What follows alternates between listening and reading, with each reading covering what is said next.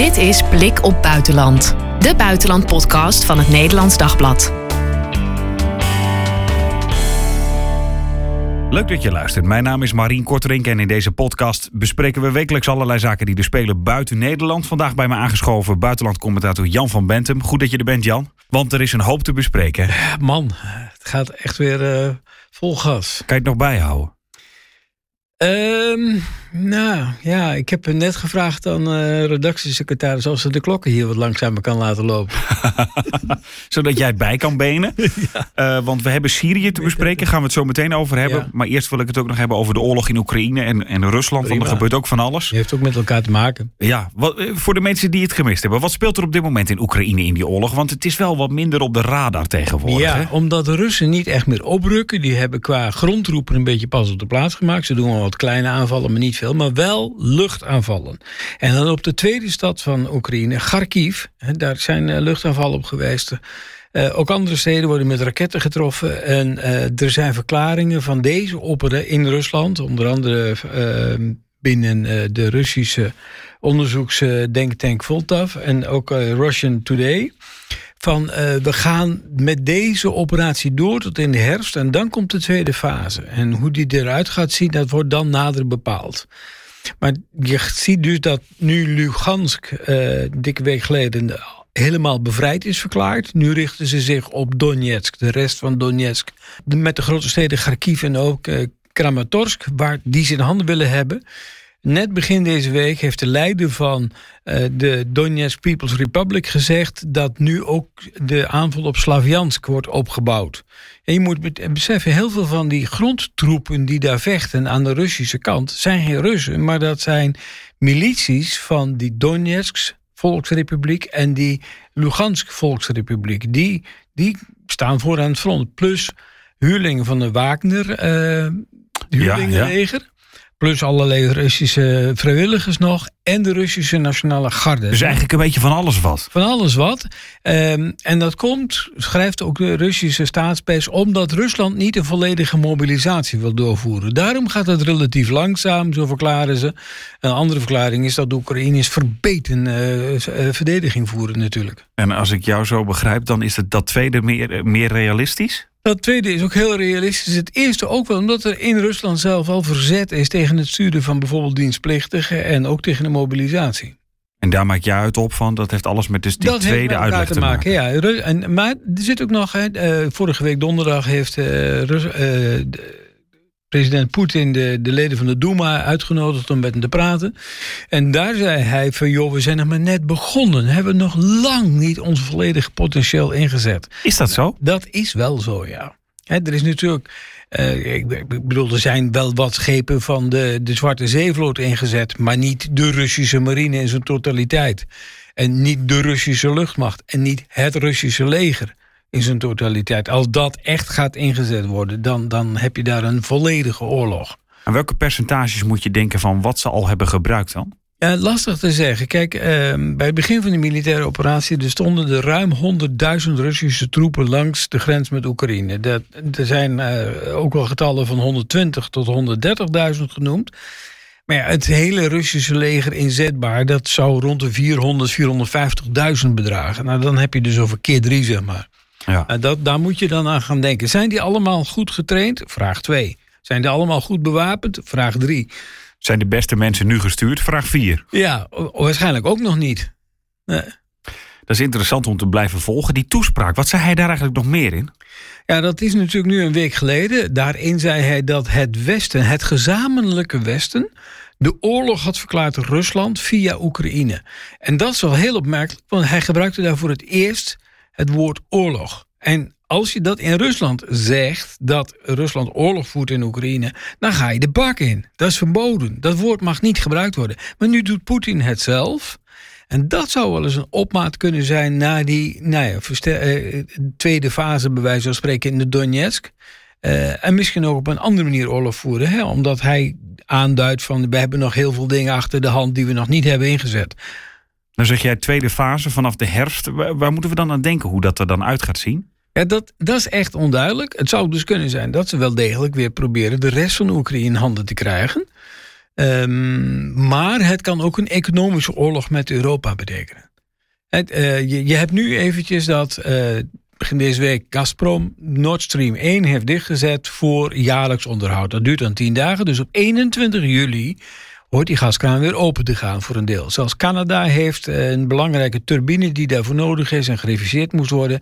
Die uh, gaat weer naar Duitsland toe, naar Siemens. Dan kan dat daar ook worden geïnstalleerd en kan dat ding weer draaien. Waarschijnlijk gaat die gastoevoer weer op gang komen. Want als Rusland dat niet doet, is het de gaskraan als politiek drukmiddel kwijt. Dat politieke drukmiddel zou wel eens kunnen worden ingezet in ongeveer oktober, als de winter begint. Dan is het veel effectiever dan nu in de zomer. Ja, want nu zou je denken, misschien is het slim om hem nu hè, te zeggen van oh, het onderhoud duurt langer en zo. Ja. Maar het is eigenlijk slimmer om dat in de winter te gebruiken. Als je uitgaat van een lange oorlog, om dat dan te doen. Want dan hebben we het harder nodig. Bijna de traditie. Hè. Rusland heeft een paar gasoorlogen gevoerd met Oekraïne in de afgelopen uh, 10, 15 jaar. En dat begon altijd in de winter. Ja, want dan hebben we het hard nodig. Dan word je heel koud als er geen gas is. Ja. Nou was er afgelopen donderdag dus die toespraak. En ja, vandaag op de dag dat de podcast uitkomt, 14 juli... Uh, ja, gaat hij weer volgens mij de Duma toespreken? Nee, of? niet de Duma toespreken. De Duma komt bij elkaar volgens de voorlopige plannen voor een belangrijke beslissing. De Duma is in zomerreces, maar dat zou dus even na een week weer terugkomen.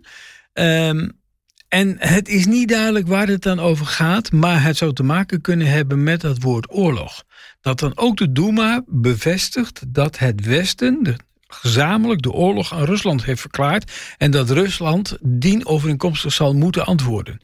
Denk dan bijvoorbeeld aan maatregelen tegen NAVO-EU-lidstaat Litouwen, wat langs Kaliningrad ligt en nu de toevoer tot Kaliningrad heeft afgesneden, omdat dat uh, past bij de Europese sancties tegen Rusland. Dus geen transporten via Litouws grondgebied meer. Dat zou kunnen. Um, kan het ook zijn, ja, het ligt waarschijnlijk niet in de lijn der verwachting, dat de Duma zegt: uh, Poetin, dat woord moet je niet gebruiken? Nee, dat, dat zit er niet in. Nee. Kijk, wat, wat Poetin heeft gezegd en gedaan, wordt wel heel serieus genomen. Zo serieus dat afgelopen dinsdagmorgen het stadsbestuur van New York, hebben we toch niet over de kleinste stad in de wereld, een video openbaar heeft gemaakt over wat de inwoners van New York zouden moeten doen bij een, jawel, nucleaire aanval. The Big One, zoals dat wordt genoemd. En uh, daarin wordt dus uitgezegd, ja, laten we nou even uh, niet uh, hebben over waar die aanval dan van zou, dan zou moeten komen of hoe. Maar wat moet je doen als er een nucleaire aanval is? Ja, ze zeggen dus ook niet per se van hè, als Rusland ons aanvalt, nee, maar gewoon in het algemeen. Ja. Maar in een verklaring zei zeg maar, een van de, de leiders van wat dan heet de Emergency uh, Service van, van New York. Dat is zeg de, ja, de, de, de bijzondere eenheden die in geval van rampen, hè, de rampenbestrijding uh, moeten coördineren. Die zei van wij leven wel in uitzonderlijke tijden nu. Ook weer zonder het woord Rusland te noemen. Maar ja, de, de link is wel één op één terug te vinden. Ja.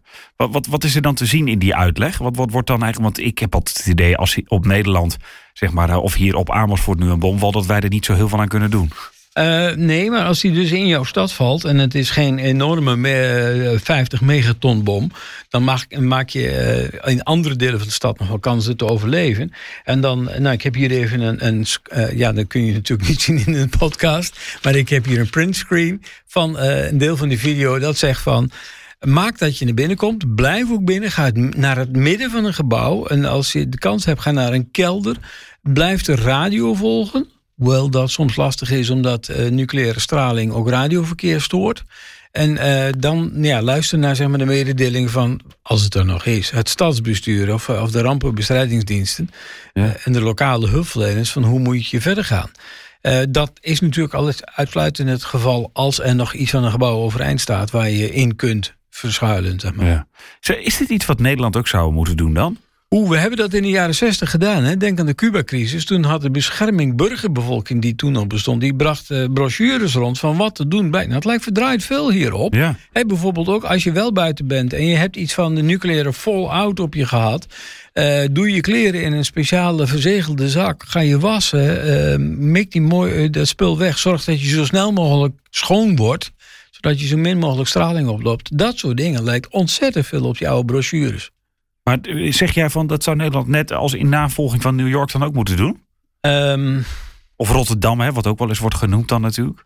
Ja, ik, ik vind het wel ver gaan. Uh, aan de andere kant, uh, als Poetin dit soort woorden gebruikt, moet je er wel rekening mee houden dat hij gek genoeg kan zijn tot een beperkte aanval. Maar dan denk je toch eerder aan Oekraïne. En dan uh, ook zeg maar de taal van we hebben nog lang niet alles in, was op Oekraïne gericht vooral. Ja, en je ziet wel dat zijn dreigement dus werkt in die zin. Want ik denk dat hij hier blij mee is dat dit gebeurt. Nou ja, het staat groot in de Russie. Daar vond ik het uh, dinsdagmorgen. Uh, daar werd het groot uitgemerkt. Moet je kijken wat ze in New York doen. Met andere woorden, ja, ze zijn bang voor ons daar in het Westen. Dit kunnen we gebruiken. Het, het dreigen met kernwapens is voor hem een tactisch voordeel. Het beperkt de bereidheid van het Westen om Oekraïne voluit te helpen.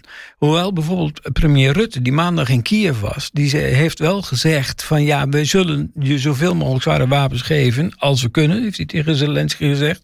Hoewel dat nu al vanuit de eigen voorraden van defensie gaat. En Nederland levert bijvoorbeeld acht panzerhouwitsers, de zwaarste kanonnen die, die Nederland heeft. Uh, en hij riep daarin ook andere westerse landen op, Rutte, om ook meer zware wapens aan Oekraïne te leveren. Want ook Rutte gaat er dus kennelijk van uit dat die tweede fase behoorlijk heftig zal worden. Ja. Hoe bijzonder was het eigenlijk dat hij daar was? Want we hebben al een hele stoet aan uh, ja, belangrijke staatsmensen ja, voorbij zien komen. Hè, naar Macron en naar, uh, naar Johnson die er geweest is. En zelfs Scholz uit Duitsland, die eerste uh, maar liever die mocht komen en zo. En nu dus, uh, nu dus eindelijk Rutte. Maar Zelensky ontving hem wel heel hartelijk en zei van ja, Nederland hoort wel in de top 10 van landen die ons militair ook het meest te steunen met materiaal en dergelijke. Dus uh, Zelensky benadrukte de goede band met Nederland en wilde ook natuurlijk de hulp van Nederland hebben om zo snel mogelijk dat lidmaatschap van de EU vooruit te krijgen. Dat zei hij niet voor niks, want Nederland is wel een van de landen, zo niet bij uitstek het land dat bij toetreding van nieuwe EU-lidstaten het hardst op de rem trapt. Denk aan de, de staten in de Balkan, zeg maar. De, ook daar is Nederland de grote dwarsligger. Oh ja, dus en met een reden. Oekraïne. Ja, dus met een reden dat, hij, dat Ja. Zelensky dat benoemt extra bij Rutte. Ja, ja, maar wel op een vriendelijke manier. Ja. Eh, omdat Nederland wel degelijk eh, heel solidair is met Oekraïne. Ja. Nou hadden we het net over die, hè, die Duma die vandaag bijeenkomt. Eh, verwacht jij daar nog echt bijzondere dingen uit? Of inderdaad meer van dat ze zich erachter scharen... en dat ze dan weer eh, verder gaan met het reces, om het maar zo even te zeggen? Ja, nou ja, de, de, Duma- Meer de formaliteit. Laten we, laten we nou even kort zijn.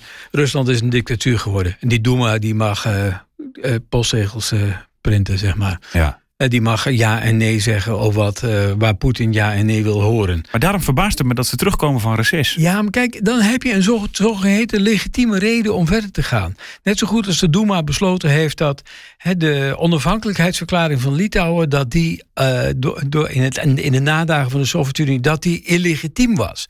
Dan heb je dus een legitieme reden om te zeggen van ja, dat is eigenlijk geen onafhankelijke staat, dat hoort bij Rusland. En zeker dat zuiden, richting Kaliningrad, hè, daar zit een, een, een landcorridor van 70 kilometer, dat is echt ook, dat hoort bij Rusland. Ja, maar in die zin zou je dus kunnen zeggen... Poetin heeft eigenlijk de Duma gewoon opgedragen om terug te komen... om dit even te Ja, regelen. In zijn, boek, in zijn broekzak. Ja. Ja. Kijk, want zijn partij, Verenigd Rusland, is de leidende partij. De, de, de voorzitter van de Duma is lid van Verenigd Rusland. Al die speciale commissies, het wordt allemaal geleid door Verenigd Rusland. Het is allemaal het Kremlin dat hier de toon zet. Nou zit ik even te denken dat het reces hier in Nederland is voor politici ook de kans om bijvoorbeeld eh, met gezin op vakantie te gaan. En zo. Hoe is dat in Rusland eigenlijk? Want is het zo van ze zitten, zijn heel erg met die oorlog bezig of gaan die allemaal nu ook? Ja, je kan denk ik niet zomaar naar Europa op vakantie, lijkt me. Nee, maar de dacha, dat is echt een Russisch fenomeen. Hè? Je, je, je tweede huisje in de bossen, waar je dan eh, bessen en bramen en alles eh, gaat plukken en daarvan eet. Eh, dat is echt traditie. Daar gaan ze echt naartoe. En eh, de, de ene heeft een sobere dacha. En hoe belangrijker je in de Duma, oftewel de regering bent, hoe groter en protseriger je dacha wordt. En je moet hier van Poetin eens zien. Het zijn enorme landgoederen. En enorme complexen, paleisachtig. Ja, dus daar gaan ze de Daar zomer heeft de doorbrengen. Navalny nog wel eens een heel aardige video over gemaakt. Vlak voordat hij de gevangenis ja, in draaide. precies. En welke mini- minister van Nederland was dat nou geweest in die dacha van eh, Poetin? Ik schiet me nu zo niet te binnen. Nou, die bleken niet te zijn geweest. Eh, Oh, die bleek uiteindelijk, dat was het inderdaad. ja. die was op een vergadering met Poetin geweest. En dat bleek dus niet zo te zijn geweest. Maar even, even een naam ontschoten, sorry. Eh, Halbe Zelstra. Juist. Het was Ja, Halbe Zelstra, die, daar, Klopt, eh, ja. die daar inderdaad in de dacha zou zijn geweest, maar dat dat uiteindelijk toch niet zo bleek te zijn. Ja. bij deze dan gerectificeerd. Ehm, iets anders wat ik nog mee wil nemen. we hebben het over die oorlog. en nou kreeg ik vandaag signalen dat bij Gerson en Zaporizhia een groot tegenoffensief zou komen van Oekraïne. Dat ze daar zeggen van, hè, ga allemaal als burgers uit die gebieden. Ligt dat nou in de lijn der verwachting dat dat gaat gebeuren? Wat ik tot nu aan foto's heb gezien, zijn de eenheden die daar nog zijn vrij licht bewapend. Wel uh, houdt Oekraïne daar wat uh, tegenoffensief gaande, zodat je de Russen daar vastbindt. En ze bijvoorbeeld dus niet richting Kharkiv kunnen gaan of richting Kramatorsk. En dus op die manier vertraag je de opmars. Dat doet Oekraïne de hele tijd. Uh, om ook het Russische leger uit te putten, het logistiek lastiger te maken. En in Gerson zijn ook aanslagen in de bezette gedeelte. Gerson is een stad die in de handen van de Russen is. Uh, daar is een uh, leider van, uh, sowieso in Gerson zelf is een aanslag geweest op, op een van de stadsbestuur, huidige stadsbestuurders, pro-Russisch. in een dorp in, de, in het district Gerson is nu een dorpsbestuurder gedood bij een bomaanslag. Een tweede is een aanslag net vereideld. Kortom, er is verzet binnen die regio tegen de Russische bezetters. Maar kan je het een tegenoffensief noemen? Nee, dat niet. Dat, dan moet je echt praten over de eenheden van het Oekraïense leger en de daaraan verbonden milities die vlak rond die regio nog zitten. Maar zoals gezegd, uh, ja, die lopen toch vooral met AK-47's rond en daar begin je geen tegenoffensief mee. Maar het gaat gestaag, de, de, de, de, de uh, opmars van de Russen nog steeds. Op dit moment gaat het uh, even op de grond niet gestaag door. Het gaat een beetje heen en weer op klein niveau. Maar de het offensief als zodanig gaat wel door in de zin van het vernietigen van de doelwitten voordat je gaat aanvallen. Ja, daar hebben we het al vaker over gehad. Hè? Eerst een plat eigenlijk een stad helemaal plat schieten. Kijk naar, kijk naar Severodonetsk. Kijk eh, naar uh, Mariupol. Uh, eerst echt totaal vergruizeld. Uh, de kanonnen komen eerst en dan spoelt de infanterie erover. Dat is het gezegde. Ja. Um, iets wat een beetje in het verlengde ligt van deze oorlog, Syrië. Daar dreigen hulpgoederen niet meer aan te komen bij miljoenen Syriërs. En de Russen hebben daar ook een hand in, hè? Ja, nou, er was afgelopen vrijdag een stemming in de v zou er zijn in de VN-veiligheidsraad. Er lagen twee resoluties voor om de toegang, het heet dan een humanitaire corridor, vanuit Turkije naar Syrië, om die in stand te houden. Er is er nog maar eentje. Uh, er waren er vroeger drie à vier vanuit Jordanië, Irak en Turkije naar uh, noorden van Syrië. Idlib bijvoorbeeld. Um, Rusland heeft met veto's er al voor gezorgd dat dat terug werd gebracht naar één. En nu mocht ook die ene niet meer open blijven. Voor, het, het, voorstel wat er lag van onder andere Noorwegen was dat die nog een jaar zou mogen open blijven. Weer een nieuw mandaat van een jaar. En Rusland zei nee, dat is al veel te lang, doen we niet. Had zelf een ander tegenvoorstel. En het ligt er vooral in dat alle hulp via Assad moet komen. Want hulp die niet via Assad gaat, is illegitiem, gaat niet via de echte overheid van Syrië en mag dus niet. Nou, en even voor de duidelijkheid, Assad en Rusland, dat, uh, de, dat zijn vrienden. op één de buik, ja. ja, ja. Rusland steunde Assad met luchtaanvallen door Russische vliegtuigen. Uh, op, op andere manieren steunde het Assad militair. Uh, was betrokken bij de operaties tegen de oppositie. Ook tegen radicale islamisten overigens, zoals in Idlib. Um, maar de Russische aanvallen waren notoor. Die vielen bijvoorbeeld uh, klinieken aan... waarvan de coördinaten waren doorgegeven aan de Russen en de Syriërs, juist om aanvallen te voorkomen. He, dus dan gaf de VN, die zei van nou, daar en daar is een kliniek, dat moet je niet bombarderen. En prompt werd dat gebombardeerd. En vaak was dat een Russisch toestel. En nou, dat, dat is dus minder. En nu lijkt uh, Rusland uh, via dat veto op het verlengen van de humanitaire hulp de oppositie op de knieën te willen dwingen deze zomer. En bedenk, die is bloedheet hè, in het Midden-Oosten. Dan heb je het over meer dan 40 graden Celsius, richting de 50 graden. Als je dan geen water krijgt, als je geen medicijnen krijgt, als je geen voedsel hebt, dan heb je maar één keus: knielen of doodgaan. En wat kiezen ze dan? Ja, uh, tot nu toe. Uh, kijk, het regime van Assad is by far, hè, veruit de grootste moordende partij in de hele Syrische burgeroorlog, die nu al elf jaar duurde. Um, de aantallen doden door het Syrische regime en daaraan verwante milities is zoveel groter dan van alle andere facties. En dan heb je het over vele malen. Zelfs ISIS was een kleintje erbij vergeleken. Dat was ook verantwoordelijk voor 6.500 doden. Maar bij Assad heb je het over 200.000 meer. En dat, wil jij in handen van het regime vallen? Berichten van Amnesty en Human Rights Watch, maar ook van Europa zeggen wel van mensen die zich overgeven, verdwijnen in gevangenissen, worden gemarteld, worden niet meer gezien. Uh, dat gaat maar door. Ja, en nou uh, wordt dus misschien die enige corridor die er nog is, uh, nog door een veto van Rusland. Uh, die is getroffen door een veto ja, van Rusland. Ja. Nou, er zijn nog wel pogingen om er iets aan te doen. Maar maandag kwamen er allerlei artikelen op Relief Web. Dat is een speciale website waar allerlei hulporganisaties hun berichten neerzetten. Waarin ze allemaal praten over een enorme catastrofe. Ja, want dit is gewoon, je kunt dan niks meer. Behalve via Assad. Nou, en die houdt tot nu toe bijna alles tegen. Ja. En, en, en, dat veto, dat, ik, ik begin dan toch wel te merken, we hebben het vaker komt het voorbij, dat Rusland of China iets met een veto-recht tegenhoudt. In dit beide, want China steunde het Russische voorstel. Ja, en dan misschien nog wat landen neutraal of niet? Uh, daar heb ik zo niet naar gekeken. Nee, maar die twee, omdat zij het vetorecht ja, hebben. Eh, maar in ieder geval, dat, dat vetorecht maakt het in, in heel veel gevallen. Eh, je, je zou bijna denken, zouden we daar niet eens vanaf moeten soms? Ja, nou ja, dat, uh, daar wordt wel over gesproken. Er wordt al jaren gesproken over een noodzakelijke hervorming van de Verenigde Naties. Omdat die, zeg maar, de situatie van 1945, 1946 nog een beetje weerspiegelt. En je hebt natuurlijk in het zuiden en ook in andere gebieden heb je grootmachten gekregen. Denk aan India moet dat geen permanente zetel in de Veiligheidsraad krijgen? Of de Europese Unie? Uh, ik bedoel, Engeland en Frankrijk hebben elk een permanente zetel in de Veiligheidsraad. Nou ja, wat is, wat is Frankrijk? Wat is Engeland vergeleken bij een land als India? Eh, dat, die, die verhoudingen zijn veranderd. Ja. En, maar ja, er is totaal geen ruimte om hierover te praten eigenlijk. Het loopt voortdurend vast. En zo zie je dat degene die uh, in zijn eentje altijd het veto uh, uitdeelt, of nou, dat ze dat nou samen doen, China en Rusland, maar die, die, die, die, blokkeren alles, ze houden alles tegen. Die houden alles tegen. Die hebben ook onderzoek zeg maar, naar oorlogsmisdaden. En dat zou worden doorverwezen naar het internationaal strafhof in Den Haag. Veto van Rusland en China. Want dan kan je niks meer. Dan kun je niks meer. Dan kun je, nou ja, nee, dat, dat is niet waar. Uh, Nederland bijvoorbeeld is een van de uh, voorlopers in het verzamelen van bewijsmateriaal voor oorlogsmisdaden. Dan zou je nog een keer een speciaal tribunaal, denk aan het Joegoslavië-tribunaal en dergelijke, kunnen oprichten om alsnog de daders te bestraffen.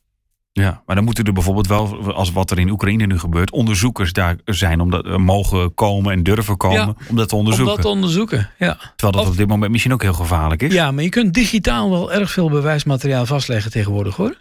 Uh, er zijn ontzettend veel videoopnames, uh, getuigenverklaringen.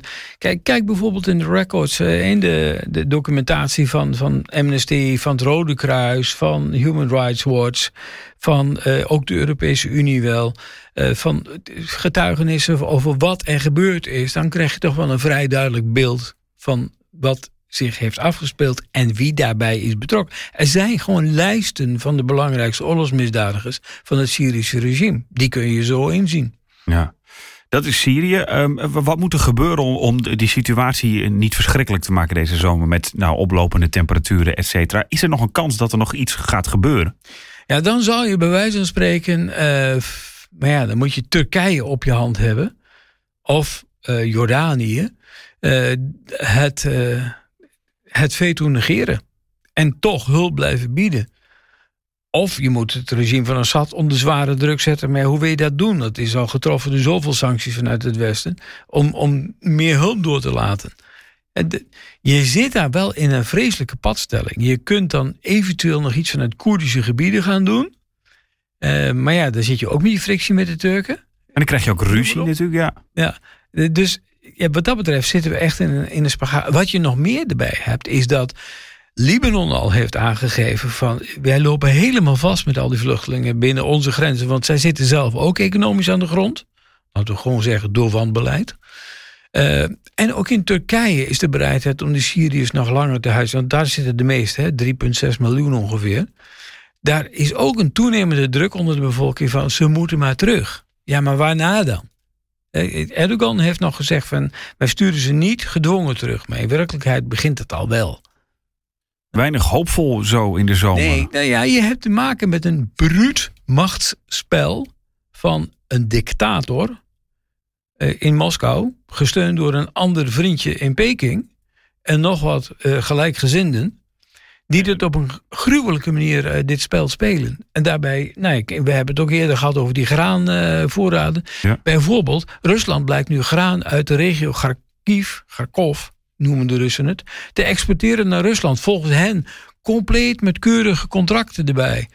Ja, naar hun begrippen ja. Maar met andere woorden, Oekraïns graan wordt naar Rusland gesleurd. Uh, en dat komt daar niet uit richting de landen die keihard nodig hebben. Ook dat is een politiek wapen, een gruwelijk politiek wapen. Honger in andere landen om het Westen te dwingen tot versoepeling van sancties, tot het toezeggen van, nou ja, dan moet jij dat maar kunnen houden. Hè? Denk aan Donetsk en Lugansk.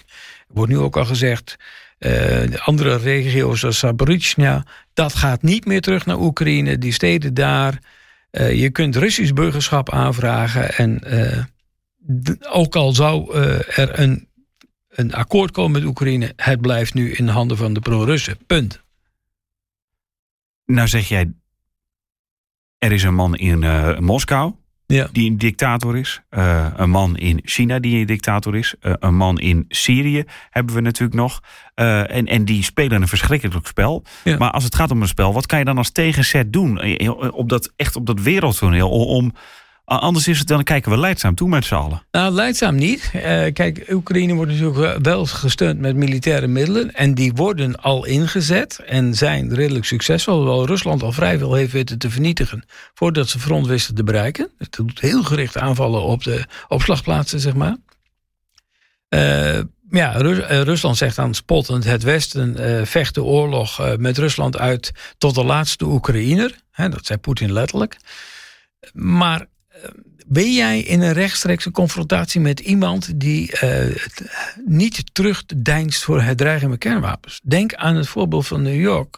Men neemt dat wel heel serieus, ook in de Verenigde Staten. De VS wordt voortdurend als eerste vijand genoemd. Niet Europa, maar de VS.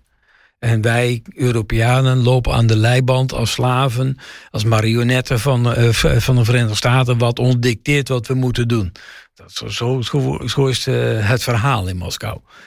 Um, hoe gek, hoe ver wil die gaan? Ga je het uitproberen met nucleaire wapens? Als je het niet Mag uitprobeert. Je dat doen? Mag je dat doen?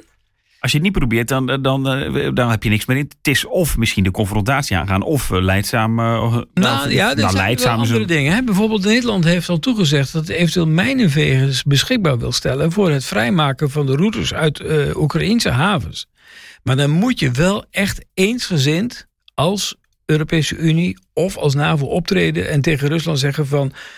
Jij zegt dat het graan geëxporteerd kan worden. Er beweert bijvoorbeeld uh, Lavrov voortdurend van ah, ja, als ze met ons willen praten, dan mag de graan echt de Oekraïne wel uit. Nee, oké.